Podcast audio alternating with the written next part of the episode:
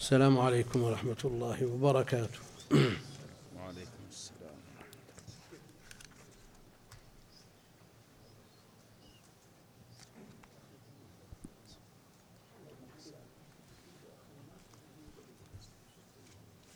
سم.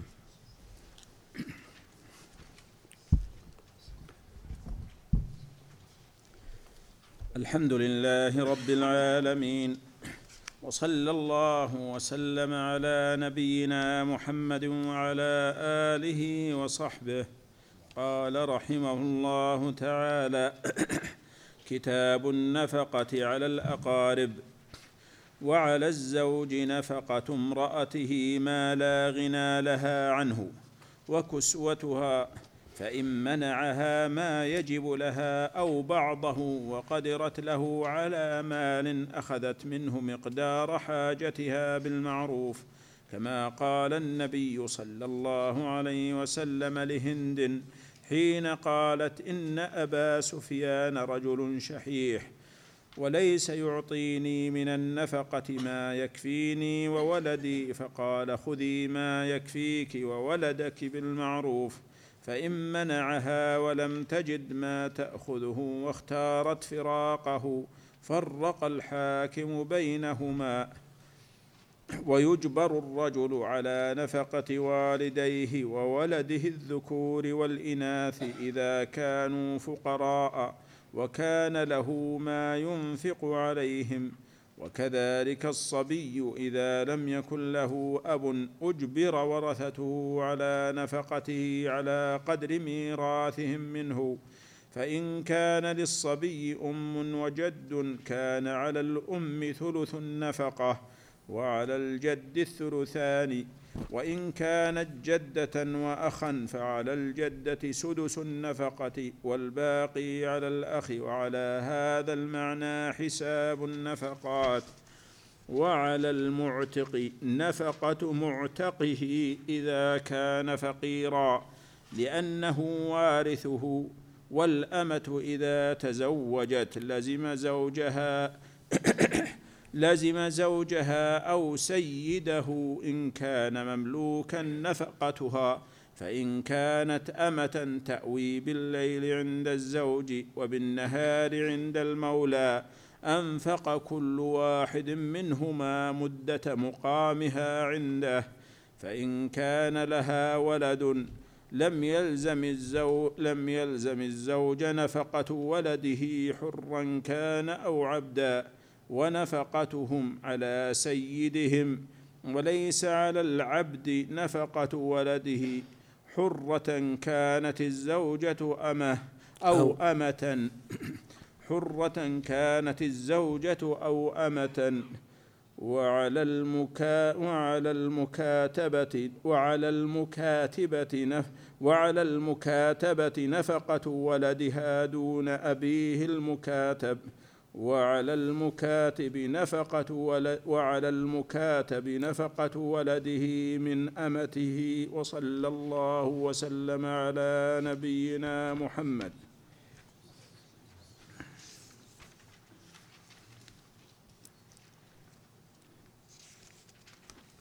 شنو على المكاتب؟ المكاتب؟ خير المكاتب. لأن ما يملك ما يكون له أمة نعم. ما دام مكاتب هو عبد. الحمد لله رب العالمين وصلى الله وسلم وبارك على عبده ورسوله نبينا محمد وعلى آله وأصحابه أجمعين. أما بعد فيقول المؤلف رحمه الله تعالى كتاب النفقة على الأقارب. النفقة الأصل فيها الذهب والفضة لأنه بهما يتوصل إلى كل ما يحتاج إليه من الحوائج الأصلية وغيرها. ولأنها أعني النقدين تنفق وتنفق لأن معنى أنها تذهب. وتتلف فيما في مقابل ما يحتاج إليه. على الأقارب من الزوجة والأولاد والوالدين وغير ذلك مما سيأتي ذكره إن شاء الله تعالى. قال وعلى الزوج نفقة امرأته وعلى الزوج نفقة امرأته ما لا غناء بها عنه. في بعض النسخ لها. ما لا غناء بها عنه. وهذا ما يعبر عنه بالحوائج الأصلية. بالحوائج الأصلية التي لا يمكن أن تستغني عنها. ولا تقوم حياتها بدونها. ها؟ حاجات الضرورية الأصلية يعبرون عنها الفقهاء.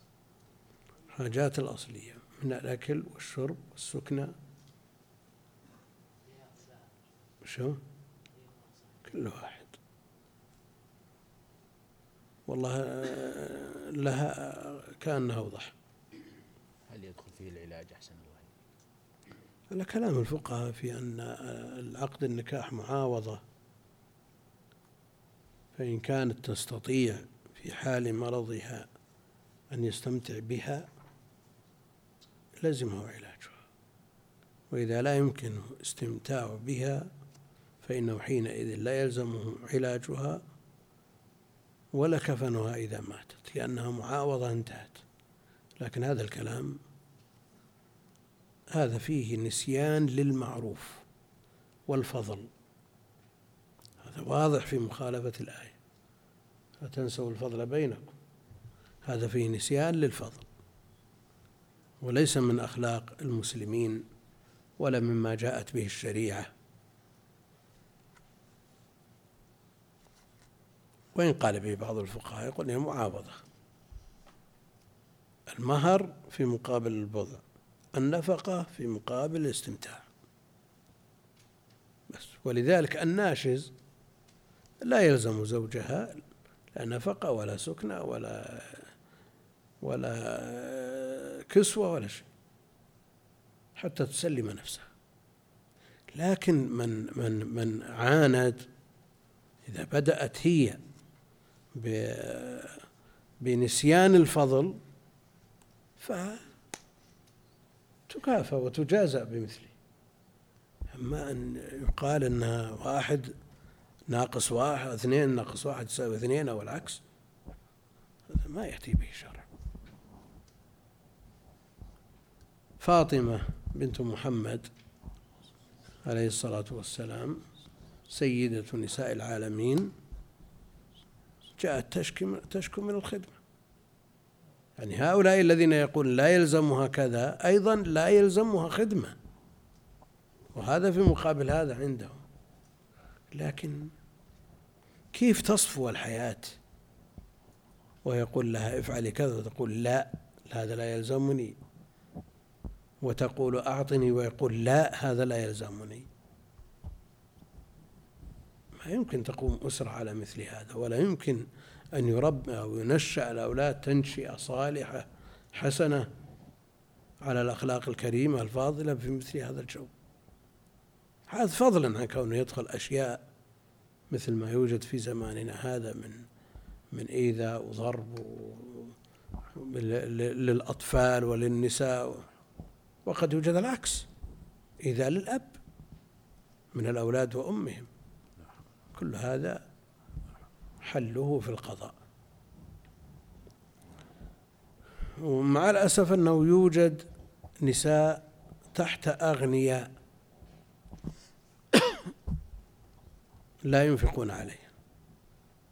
كثيرا ما يأتي نساء وتقول زوجها غني ولا تستطيع أن تأخذ من ماله بغير علمه مجود النمور ضابط النمور ما يحط عندها شيء.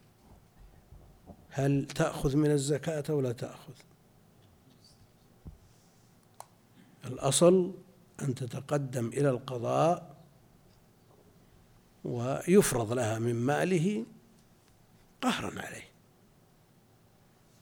غير رضاه يؤخذ من ماله ما يلزم الزوجة وإلا الفسخ ولا الفسخ. لكن الإشكال كثير من النساء إذا منها تورطت بأطفال تقول وين أروح؟ خلاص. لو ما لو, ما لو أموت جوع ما أقدر أروح. فعلى مثل هؤلاء الأزواج أن يتقوا الله جل وعلا في وصية النبي عليه الصلاة والسلام. وصية في حجة الوداع في النساء فإنهن عوان عندكم عوان أسيرات عندك.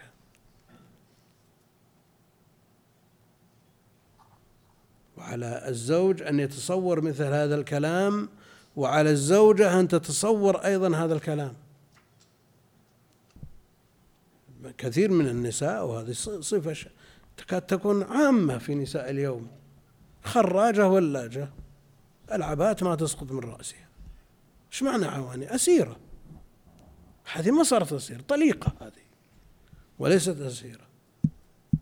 فالأمور تغيرت والفطر نسأل الله العافية انتكست. كثير من المسلمين هذا هذا وصفه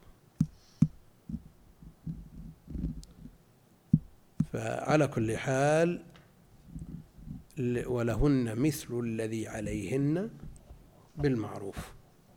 ونفقة الزوجة واجبة بالكتاب. لينفق ذو سعة من سعته. والسنة خذي من ماله كما سيأتي في الحديث في حديث آه، عائشة في قصة هند امرأة أبي سفيان خذي من ماله ما يكفيك وولدك بالمعروف وعليه إجماع أهل العلم وعليه إجماع أهل العلم. نعود إلى مسألتنا في الزوج الشحيح الذي لا يمكن من الأخذ من ماله بغير علمه. لأن البنوك يفتح رصيد ولا يشوفون شيء. والجيب فاضي. مثل هذه تأخذ من الزكاة ولا تأخذ؟ خير من الخصومة ها؟ والله خير من الخصومة إيه لكن معنى هذا أننا وفرنا الزوج. لا هو مو مشكلة الخصومة. لو لو كانت آه، في بعض الأحوال تدرى من قبل المخاصم لأنه يخشى مفسدة أعظم. كانت شابة عند أهلها بكرا كل يطلبها ويتشوف إليها ثم جاءت بأربعة أطفال خمسة ستة وقال والله ما عندي إلا هذا تبن واطلعي هل هذا التخيير يجوز؟ لا يجوز. كفى بالمرء إثما أن يضيع من يعول أو يمون أو يقوت. فيضيع زوجته وأولاده ويتركهم عالة يتكففون الناس وهو قادر. لا يجوز ذلك بحال. وهذا من من أسوأ الأخلاق. نسأل الله العافية.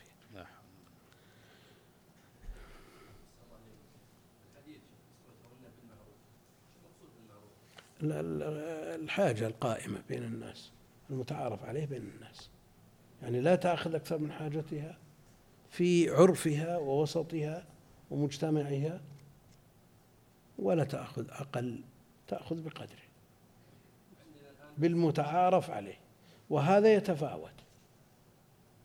كانت النفقة يسيرة جدا يعني قبل خمسين وستين سنة بربع الريال ونصف الريال. والآن لا بالألوف. الآن بالألوف.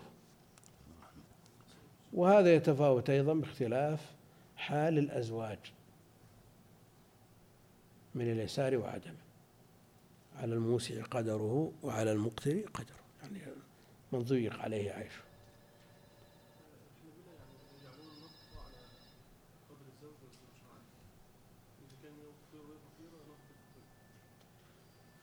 هذا هذا النظر فيه إلى القضاء لأن هذه أمور تتفاوت ولا يمكن ضبطها. لكن قد يضعون للطفل مثلا المحظون عند أمه المطلقة قدر معين ثم بعد ذلك إذا جاءت القضايا زادوا ونقصوا بحسب الحاجة. ومن قدر عليه رزقه إيه ما يخالف. حال الزوج إذا قالت لا أنا لا أرضى أن أبقى عنده. أليس لها الفسخ تفسخ.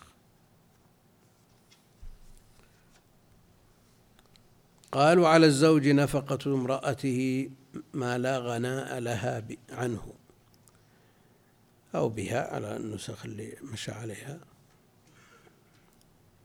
وكسوتها نفقة والكسوة والسكنى كلها واجبة. أسكنوهن من حيث سكنتم فإن منعها منعها النفقة أو نفق أو منعها السكنى أو منعها الكسوة أو بعضه بعض ما يجب عليه. وقدرت له على مال قدرت على له على مال يعني من غير علمه أخذت منه مقدار حاجتها بالمعروف. يعني ما يكفيه ما يكفيها ويكفي ولدها. كما قال النبي عليه الصلاة والسلام لهند حين قالت إن أبا سفيان رجل شحيح والشح أشد من البخل. الشح أشد من البخل. فإنه بخل مع حرص. صلى الله العافية ومن يوق شح نفسه فأولئك هم المفلحون. رجل شحيح وليس يعطيني من النفقة ما يكفيني وولدي. وليس يعطيني من النفقة ما يكفيني وولدي. يعني اختلفت الأحوال والظروف والأوضاع. بين ماض قريب وبين يومنا هذا تجد الرجال عندهم زيادة حرص وضبط للأمور ولا يعطون ولا يعطون النساء والسفهاء ولا يمكنونهم من اللعب بمال الله بخلاف يومنا هذا.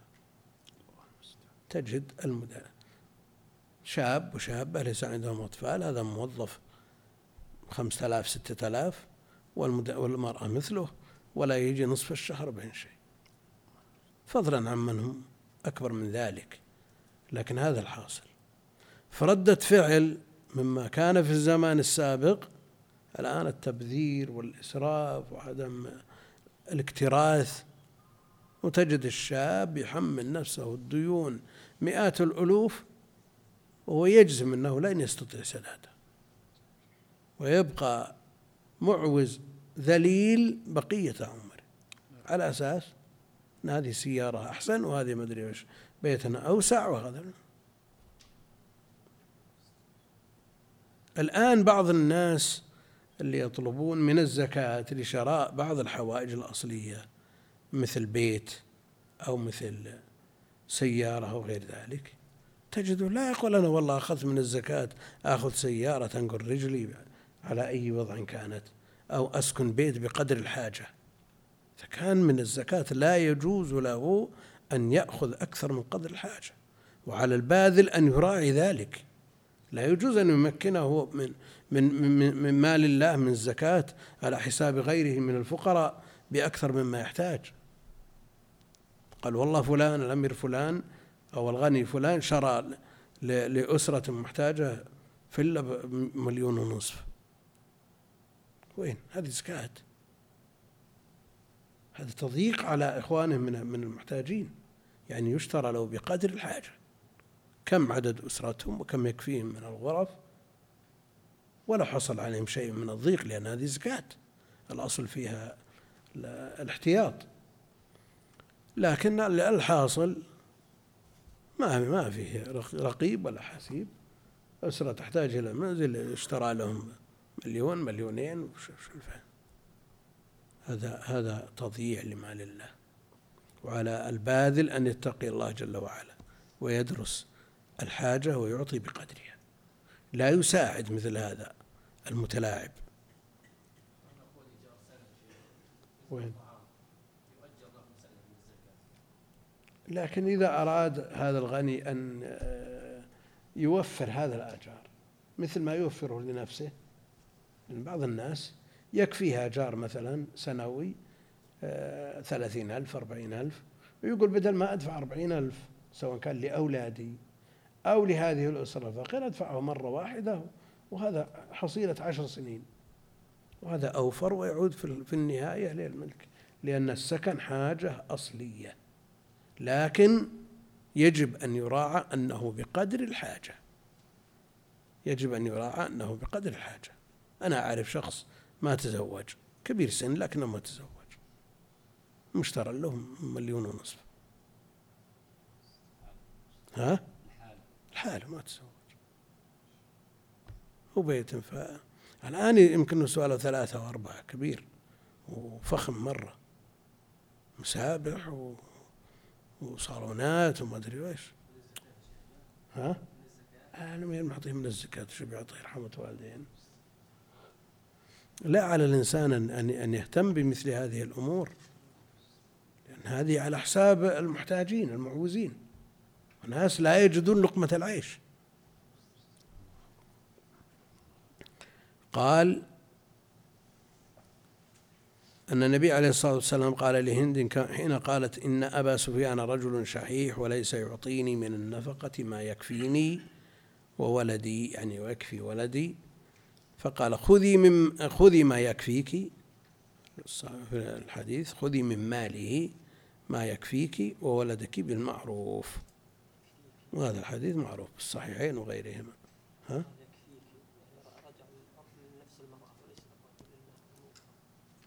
يكفيك وولدك. إيه. إيه العبرة لابد من ملاحظة الطرفين. لابد من ملاحظة الطرفين. نعم. لابد فإذا منعها ولم تجد ما تأخذه كما هو الحال الآن الأموال ليست في البيوت. ولم تجد ما تأخذه فاختارت فراقه فرق الحاكم بينهما. فرق الحاكم بينهما. ولا تحصل الفرقة إلا بحكم.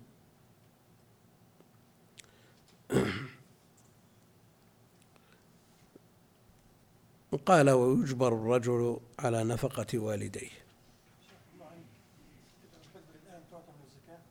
وشو؟ والله أنا في نفسي شيء كنا من الزكاة. تعطى صدقات تعطى شيء هبات عطيات ولا الزكاة ما دام فيه طرف يمكن أن يلزم مفرط بما أوجب الله عليه. في النفس شيء.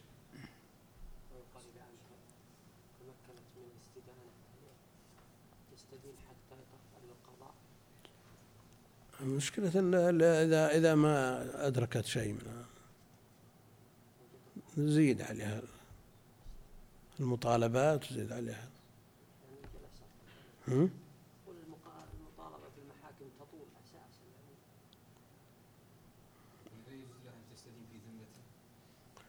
ذمته ذمته هو له له هم؟ بإذن الحاكم لا بأس إذا حكم الحاكم أن تستدين أو تقترض هذا ما في إشكال لكن ما في شيء إلا بإذن الحاكم. والله تصير المسألة فوضى.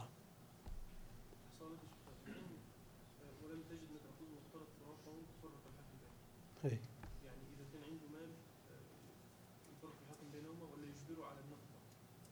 الأصل يجبر على النفقة لكن إذا كان بعض بعض الناس ما بتلاحظه كل يوم.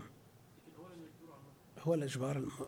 هذا من الواجبات واجب عليه فيجبر عليه.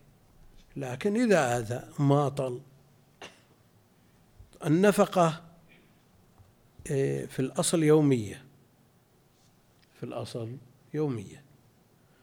ويحكم القضاة في السابق على هذا الأساس. فإذا كان هناك ولد عند أم مطلقة يفرض له كل يوم كذا. كل يوم كذا. ثم تأتي الأم أو وكيلها لهذا الأب يوميا. كانت النفقة يسيرة جزء جدا ربع ريال أو نصف ريال ترددون يوميا علشان يوم يلقونه يوم ما يلقونه ويماطل ويتعبهم ويؤذيهم. فكونها يومية فيها مشقة نعم المطالبة بالنفقة هل منذ يعني رفع القضية ولا السنوات الماضية؟ يعني قبل أن ترفع هم يقولون أن النفقة تسقط. لأن أكل وشرب خلاص انتهى. الزوجة لا. الزوجة حق. الزوجة حق. بالنسبة للزوجة دين في ذمته. لكن الأقارب على ما سيأتي تسقط ما. طيب. الآن لو لو عندك ولد مسافر ثم جاء سافر لمدة شهر ورجع قال أبي هل أنفقت على إخواني من الأكل والشرب أبي مثله إيش تقول؟ ها؟ خلاص تسقط إذا كان رجل أو أسرة الأسرة يعني مسرف أخرى ما يحسن جوالات تقسيط وسيارات ويحتاج الزكاة في أشياء أصلية هل يعطى تمسك الزكاة ويعطى بقدر ما يحتاج والأمور هي لا شك أن العادات والأعراف والأحوال مراعاة. قبل ثلاثين وأربعين سنة الثلاجة والمكيف والسيارة هذه ليست أصلية ما يؤخذ لها زكاة. مضى الزمن بالناس إلى أن صاروا لا يستطيعون العيش بدونها. ثم جاءت مواد الترف مثل وسائل الاتصال ومثل ما في حكمها. يقولون الآن من يعيش بدون جوال؟ وبعدين هل يكفي الأسرة جوال واحد؟ كان يكفيهم بالبيت تلفون واحد ما يخالف. لكن كل واحد من أفراد الأسرة من نساء وأطفال وكبار وصغار كل واحد معه جواله وبعضهم معه اثنين. ولا تقول هذا هؤلاء أولاد غني ولا أولاد فقير كلهم واحد. وتجد الأب يتكفف الناس يسأل الزكاة ويسدد فواتير لهؤلاء. هذا لا شك أن هذا خلل. هذا خلل. ولا يجوز الزيادة على قدر الحاجة كما قلنا ولكن يبقى أنه ما ما ويخلق ما لا تعلمون بعد. ما ندري إيش بيجينا بعد. ها؟ والله ما ندري لكن لابد في كل فقير من خرق نسبي يعني شلون؟ من يعني تفريع يعني. تفريط. الغالب أن الفقير لا يحسن التصرف. هذا هو الغالب. وذكرت لكم مرة واحد مسافر مع مع أقارب ومعارف ولا معه ولا ريال. ولا ولا واحد من أولاد أخته أعطاه 500 ريال. علشان أقل الأحوال يشتري شيء يأكله. يقول هم على البحر مرت سيارة فإذا فيها تحف. شرب الخمسمية تحف. حطهم بالسيارة كانت مطب وتكسر. إخوان لا ما أنا هذا شيء يعني مزعج. في الغالب أن الفقير لا يحسن التصرف. ومع ذلك يوجد في المدارس من يأتي بالماء في ال- ال- القوارير الزجاجية الملونة. يعبيها ماء فإذا جاء مع زملائه وأقرانه ما يعرفون أنه ماء. ما يدرون وش. على أنه مشروب عصير ولا غازي ولا غيره. يوجد هذا وهذا. والله المستعان. نعم. شو؟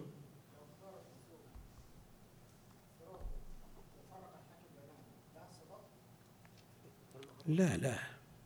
المهر ثابت ما به والفرقة بطلبها.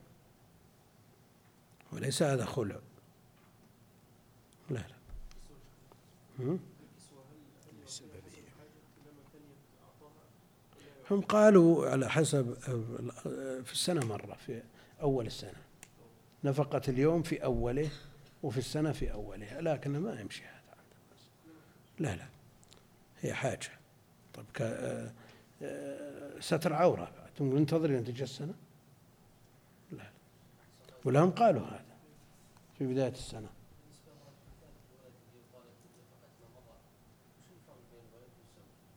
شلون؟ الزوجة الزوجة نفقتها فرض وحكم شرعي وهي أجنبية منك. ها؟ معاوضة. بينما الولد غير يختلف لكن لو أن الولد استدان لنفقته وبقيت في ذمته على الوالد أن يسددها هي يستدين بنية الرجوع الوالد يسدد. والله بقدر الحاجة بقدر الضرورة بقدر الحاجة. ما هو مع التبذير الموجود الآن وإلا من يبي يمشي بلا جوال اليوم؟ يطلع الولد ما تدري وين راح ولا وين جاء ولا أو يطرأ له ما يطرأ من من أمر خطير ولا حادث ولا شيء شو بيسوي؟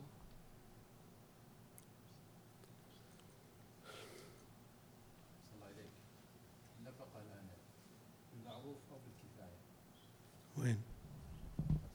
والله النص بالمعروف والمعروف كفاية وقال ما يكفيك الكفاية بالمعروف. هو بالكفاية والكفاية بالمعروف. شو القدر اللي يكفي؟ ما تعرف عليه الناس. قال ويجبر الرجل على نفقة والديه وولده. الذكور والإناث. يعني على نفقة والديه الأب والأم و وإن علوا وولده جنس يشمل الذكر والأنثى الابن والبنت الذكور والإناث إذا كانوا فقراء. إذا كان الأب غني تلزم نفقته أو الأم غنية تلزم لها وكذلك الولد والبنت. وشو لا. لا العكس عند الفقهاء لا. الذكور والإناث إذا كانوا فقراء بهذا القيد. طيب بنت زوجها أبوها برجل فقير. تلزم نفقتها ولا لا؟ ها؟ تلزم الزوج. لكن وصف الفقر ملازم لها. ويقول إذا كانوا فقراء. وإلا فالأصل أن الإبن والبنت ما داموا ما داموا في حضانة والدهم ما يوصفون لا بفقر ولا بغنى تبعا لأبيهم. هم؟ شو؟ لا تلزم نفقتها. مالها لها مالها لها ويأتي مسألة التصرف في مالها. هل عليها أن تستأذنه فيه أو لا؟ ها في سنن أبي داود. حديث حسن. ليس لها أن تنفق ولا تتصرف إلا بإذنه. وحديث ما جاء في خطبة العيد تصدقنا ولو من حليكن وتصدقنا من القراريط والذهب بدون إذن. ها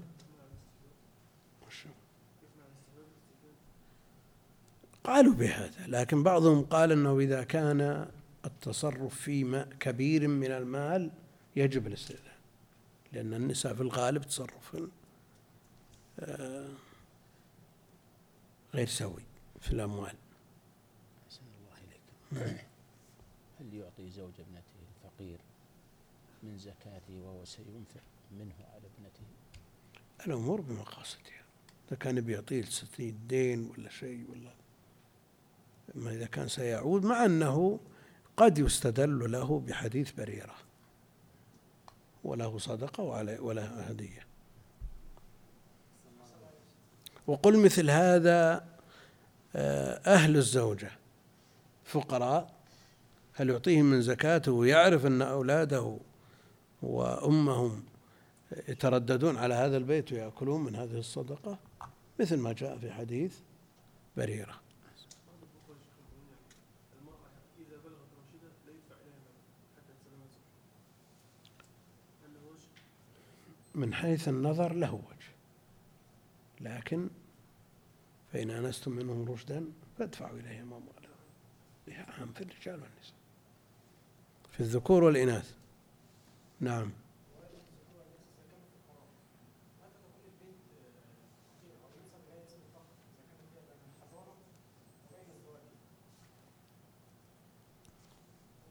هذه إذا كانت في حضانة والدها نعم. لا هو ويتبين الفقر إذا عرفنا الغنى. لو كانت بنت في كفالة والدها أو مدرسة ما تلزم نفقتها اللي لم التي لم تتصف بهذا وليس لها دخل يقال لها فقيرة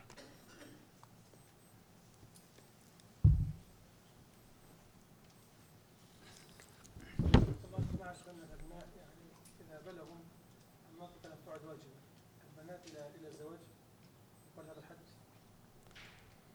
هو إذا إذا تزوجت انتقلت ولايتها وكفالتها على زوجها.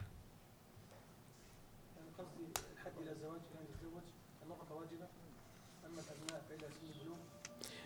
ال- النفقة إلى الزواج أو إلى الكفاية عموما. إذا اكتفت توظفت بعد. ها؟ إذا اكتفى. قال رحمه الله يجبر الرجل على نفقة والديه وولده الذكور والإناث إذا كانوا فقراء. وكان له ما ينفق عليهم وكان له ما ينفق عليهم لكن إذا كان فقير ما عنده شيء هل يلزمه أن يسأل الناس من أجل أن ينفق عليهم؟ هم؟ لا يلزم حسن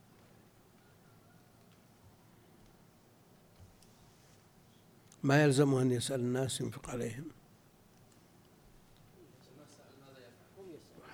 لأنه يقول وكان له ما ينفق عليهم.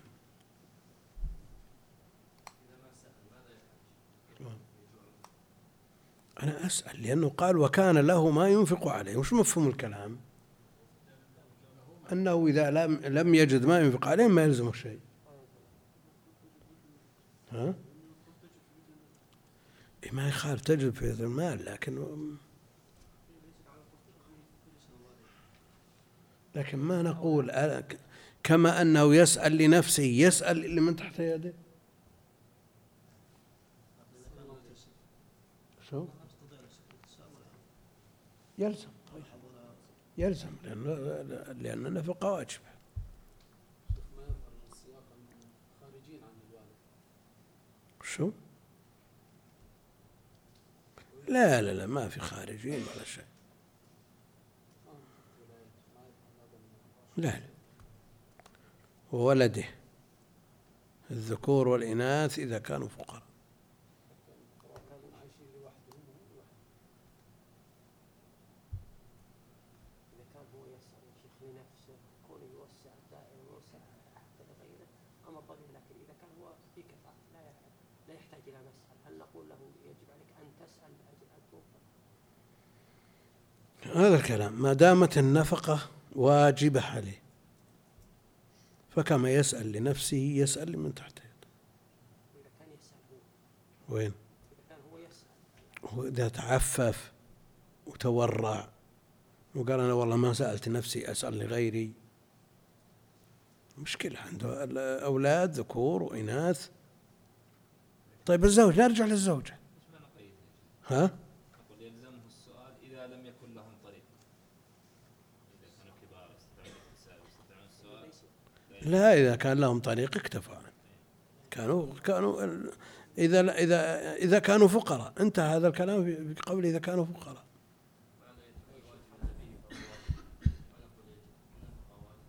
ليس هو يا شيخ الآن وكان له ما ينفق عليهم. طيب ليس له ما ينفق عليهم. قال أنا أتعفف عن عن المسألة. أنا يكفيني تمر وماء وهؤلاء أولاد عيال وبنات ذكور وإناث من الأولاد البيت فيه عشرة مثلا يقولوا والله لا ناكل تمر ولا يكفينا ولا ولا تمر تأكل تمر إحنا ما نأكل. نبي مثل غيرنا. ها؟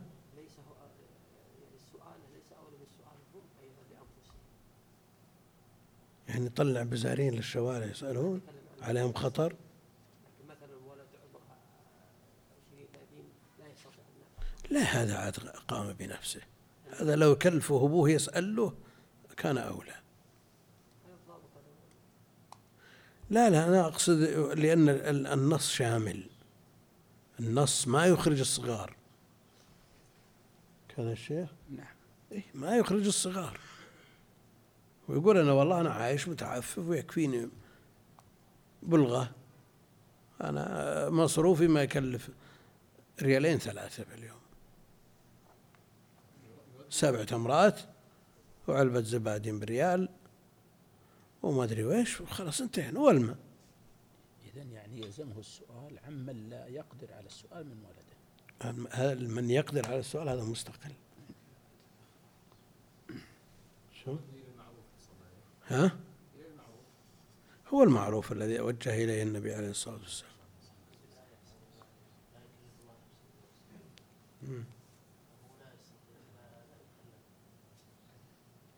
شو لا يستطيع؟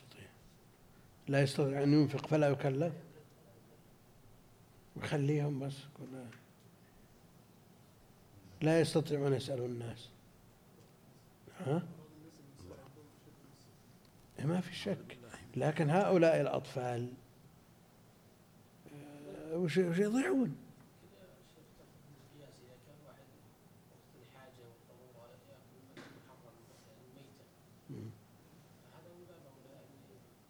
إنه يسأل.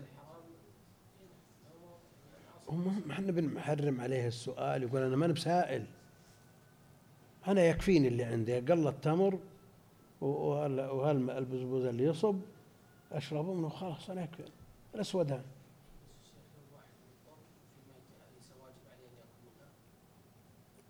هذا. الوجوب مسألة ثانية الجواز متفق عليه. الجواز متفق عليه. وكان له ما ينفق عليهم. نعم.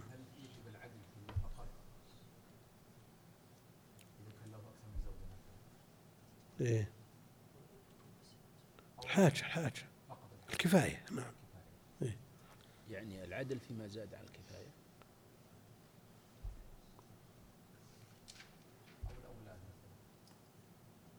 في أكل وشرب؟ لا بالنسبة للعطية ولا لابد من التعديل فيها. العطية لابد من التعديل فيها لكن النفقة. أنت بعد عندك زوجتين بينهن خمسين سنة واحدة يكفيها ما تلوثه من الطعام واحدة تبي طلبيات تبي إيش تقول عاد؟ ها؟ المعروف الذي وجه إليه النبي عليه الصلاة والسلام يحتمل مثل هذه التصرفات. يقول وكذلك الصبي إذا لم يكن له أب أجبر وارثه أجبر وارثه الذكور والإناث على نفقته على قدر ميراثهم منه. الصبي إذا لم يكن له أب أجبر وارثه. لأن الله جل وعلا يقول وعلى الوارث مثل ذلك. الذكور والإناث على نفقته على قدر ميراثهم منه. المثال يقول فإن كان للصبي أم وجد كان على الأم الثلث ثلث النفقة لأن لها من ميراثها منه الثلث. وعلى الجد الثلثان لأنه الباقي نعم. له الباقي وهو الثلثان. وين؟ في هذه الصورة.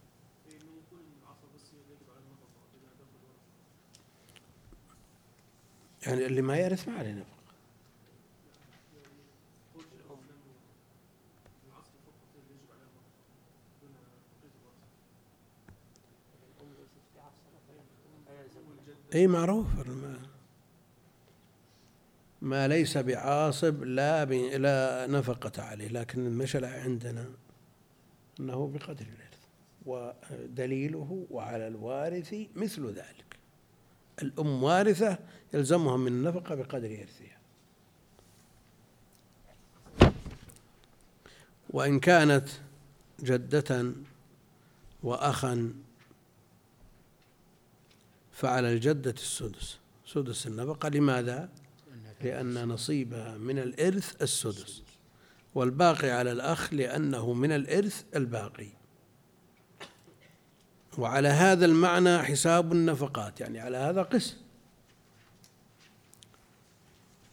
وعلى المعتق نفقة معتقه. وعلى المعتق نفقة معتقه.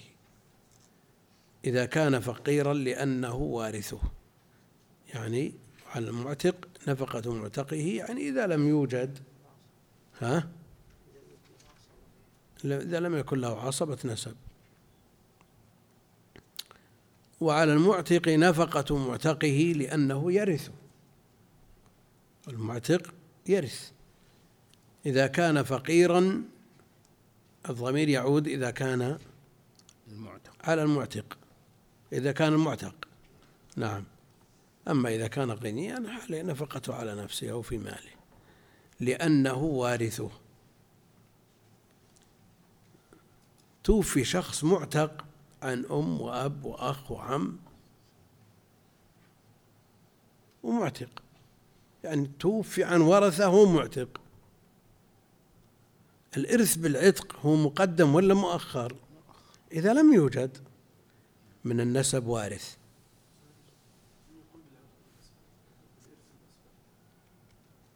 من الأسفل يعني المعتق يرث من معتقه.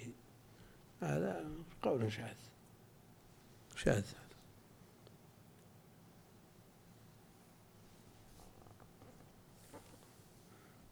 لكن إذا وجدنا معتق غني ومعتق فقير هذا اللي تقصد؟ معتق غني ومعتق فقير. هل نلزمه بالنفقة عليه؟ ها؟ شو؟ ما هو بوارث وليس بوارث. إذا قلنا على القول الشاذ خل هذا هذا ما هو معتبر. هم؟ وقد يوجد في بني آدم مثل مثل هذا. معتق ها؟ معتق اغتنى وافتقر المعتق.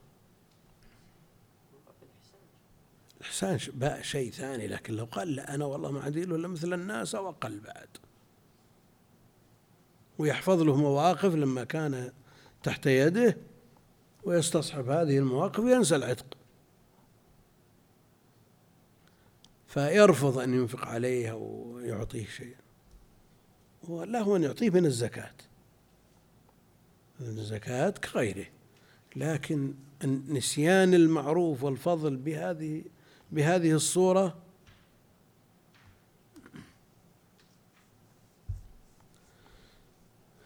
وإلا في الأصل لا يلزم كغيره. هل هل تجبر امرأة على نفقة والديها لو كانت غنية ووالديها فقراء مثلا؟ شو هل تجبر امرأة على نفقة والديها أم لا تجبر؟ والديها ولا ولديها؟ تلزمها. إذا كانت غنية. لكن ما تلزمها في مال زوجها. تلزمها في مالها هي. والأمة إذا تزوجت لزم زوجها أو سيده إن كان مملوكا. لزم زوجها إن كان حرا لزمه نفقته لأنها زوجة.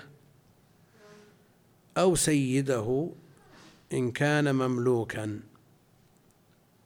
سيد هذا الزوج إذا كان مملوكا تلزم نفقته عليه وعلى زوجته.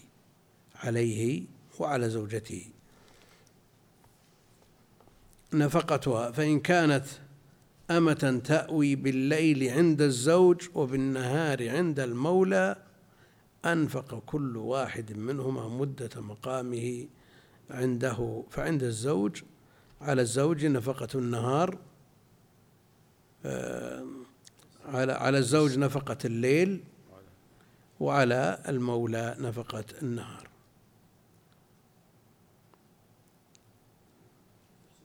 ها؟ بغياب الشمس. لا كل شيء في أوله. ما تقول لي والله لا بغت تغاب الشمس راحت المستودع أكلت ما يكفيها إلى الغد. لتوفر آه، الزوج. ها؟ والعكس.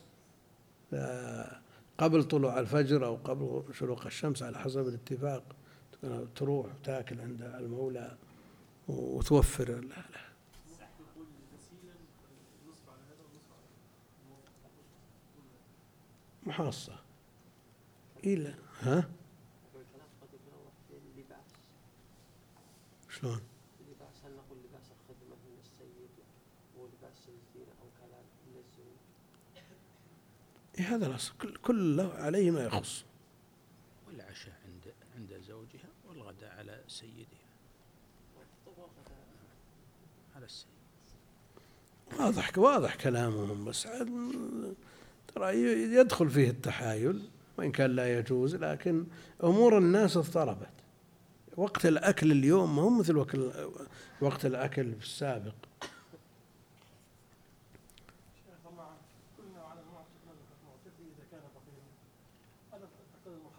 معتقي معتقه وعلى المعتق نفقة معتقه. إيه. هذا ضبطه وش اسمه؟ المحصل العكس لو حصل الفقر من الطرف الآخر يعني لو صار المعتق هو الفقير والمعتق هو الغني. لا لا هذا مقتضى كلامه. إنه يصير مثل مثل غيره. المعتق أجره على الله وثبت أجره عند الله إن كان مخلصا وأجره عليه.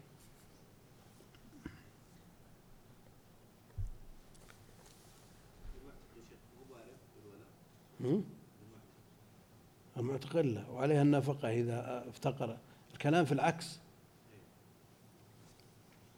أعتق العبد فاغتنى العبد وافتقر المعتق. لا تجب عليه نفقة سيد في ما كان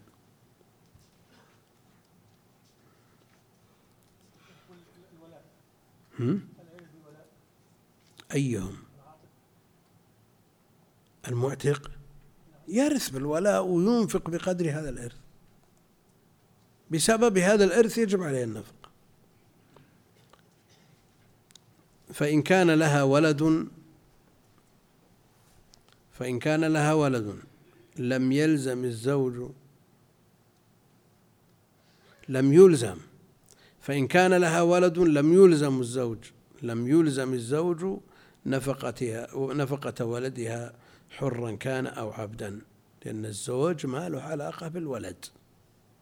هي أمة ولدها تبعا لها فهو لسيدها. فالزوج ما ما له عيال ولا عليه نفقة؟ اشترط الحديث تبع لازم لكن بهذه الصفة والولد يتبع أمه حرية ورقا فنفق فنفقة ولدها على السيد. ولدها من الزوج. لأن لأن ولدها يتبعها في الحرية. إيه. وهي مملوكة. إيه. وهو مملوك للسيد. فهل تلزم النفقة الزوج باعتباره أبا أو السيد؟ ما هو بأب بيأخذونه منه وبينسبونه لغيره خلاص لكن يبيعونه ويشرونه لا شك لكن قبل ذلك ما دام عنده.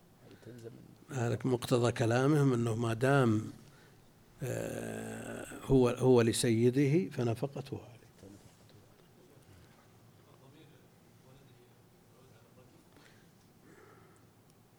أي.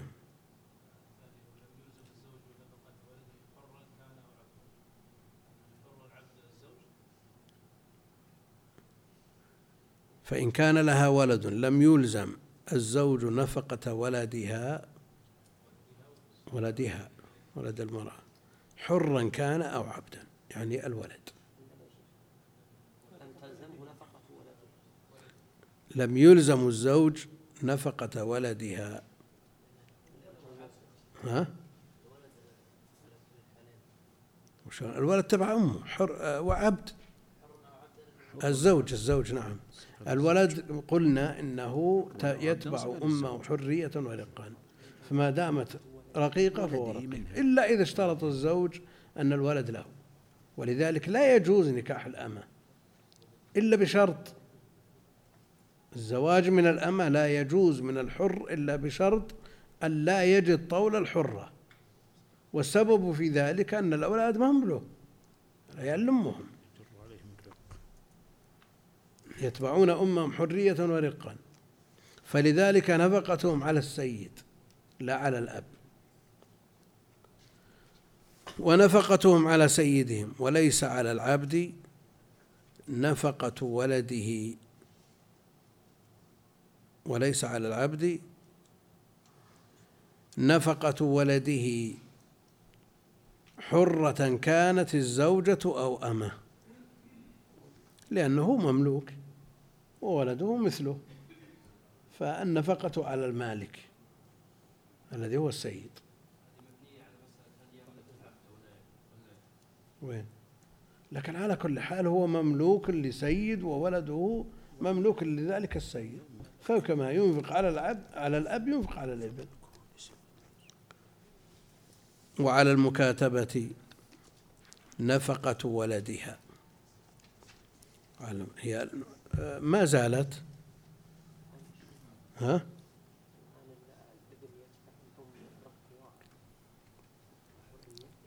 الآن مكاتبة. الأصل فيها أن أمة ما بقي عليها درهم.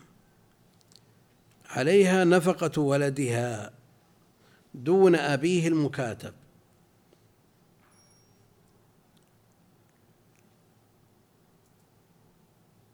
وعلى المكاتب نفقة ولده من أمته.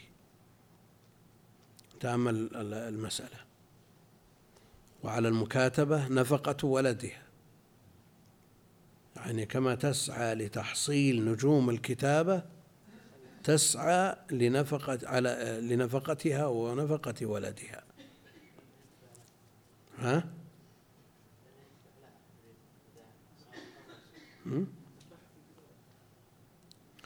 يعني كما يتبعها في الرق يتبعه في الكتابة. لأنه بيتحرى بحريته يا شيخ. ها؟ لأنه يتحرى بحريته. نعم نعم إذا تحرر تحرر. لأنه تبع أمه. السابقة المسألة السابقة وليس على العبد ولده حرة كانت الزوجة أو لما يكون وليس على العبد. إيه لأنه لأنه هو ما يملك وشلون ينفق لا لا بذكرك يا شيخ لما قلت حرة كانت لما تكون حرة ولدها يكون إيش؟ حر لا يكون ملك لسيده النفقة تكون على من؟ على الأم وليس على العبد نفقة ولده. حرة كانت وليس على العبد نفقة معروف هذا مفروغ مقرر بغض النظر عن عما تحته من المسائل. العبد لا ليس عليه نفقة. لا ينفق على نفسه فلا ينفق على غيره. أو أولادها أحرار. إيه. على أبيه. على أبيه. ما دام حر والزوجة.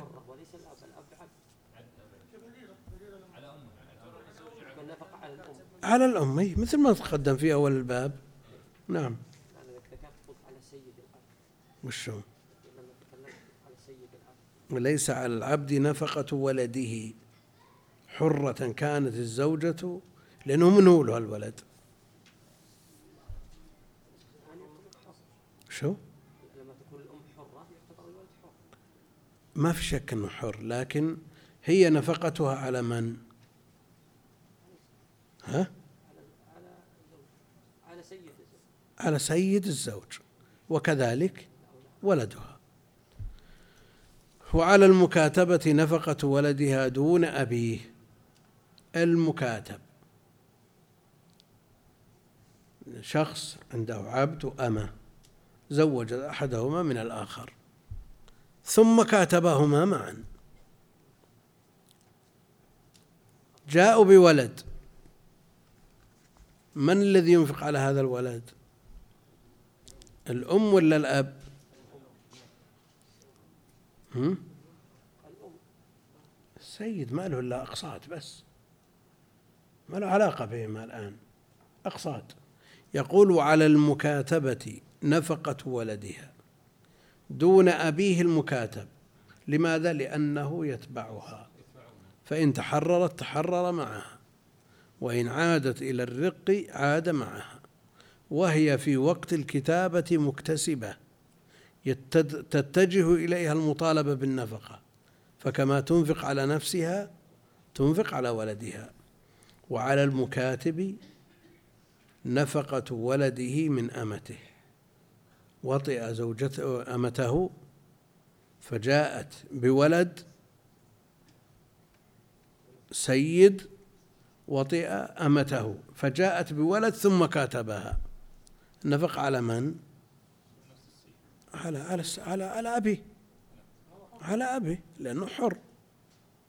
لأن الولد جاء الفرق بين أن يأتي الولد قبل الكتابة وبعد الكتابة. لأنه إن جاء قبل الكتابة فهو حر. قال على أي الأحوال؟ ها؟ وهي أمة على الحالين ما دام بقي. هي أمة ما دام بقي درهم فالنفقة على كل حال على المكاتب دون الأم والله أعلم. اللهم صل وسلم اللهم صل وسلم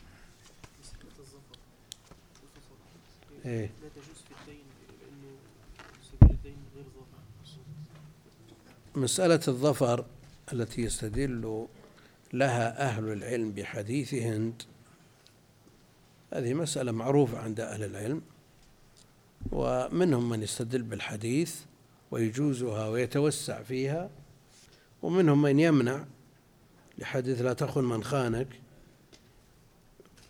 وبعضهم يقول في ما لا يمكن إقامة البينة عليه يجوز وفيما يمكن إقامة البينة عليه لا يجوز وهذا ظاهر. لا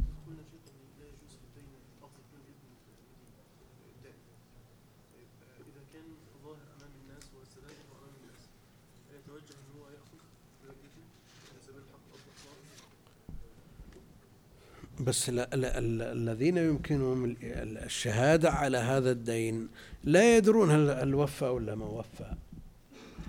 يعني ما يدرون إنه أخذ لكن ما يدرون إنه وفى ولا ما وفى وصار بينهم.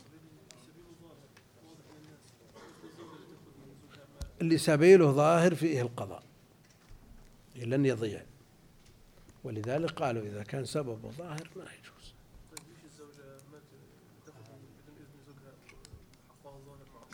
تكلف زوجها كل يوم تبي تروح للقضاء وكل يوم إنه مسألة الأصل بينهم السر وبينهم الستر. لا هذا غير شيخنا البنت إذا كانت متزوجة لكن زوجها فقير يلزم أي اللهم صل وسلم اللهم صل يلزم أبوها كيف يا شيخنا؟ الحين دلوقتي البنت فقيرة ومتزوجة آه، يبقى ز- نفقتها على زوجها طب زوجها مش قادر يبقى نفقتها على قرايب زوجها لأن هو يلزمهم نفقتهم عليه نفقة زوجها وهي على أقاربها مش على أقارب الزوجة لكن العموم يعني هل هل مجرد الزواج تتخلى المسؤولية كلها ولا يبقى أب؟ عن الواجب بس يا شيخنا لا ولا يبقى أب؟ طبعا هو يعني لا ما هو مسألة أبوة وحنان و- لا لا لكن مسألة واجبات شرعية يبقى يعني أب إذا؟ ترافعت عند القاضي لا يحكم بشيء لأن الوجوب ما يجب عليه يجب على الزوج وأقاربه يعني من تجب عليه نفقة الزوج إيه. وعلى زوجته هذا الحنابلة صراحة هذا معروف. هذا صرح. على كل حال هذه أمور لا بد أن تمشي بالمعروف بين الناس كما أشار النبي عليه الصلاة والسلام. وبالفضل الله المستعان. كيف تطيب نفس شخص غني يشوف ابنته وزوجه وأولاده يتحسرون يتكففون الناس ويسألونهم ويخرجون من بيت إلى بيت وأحيانا لا يجدون ما يدفعونه غني ما يتصور عاقل وموجود موجود.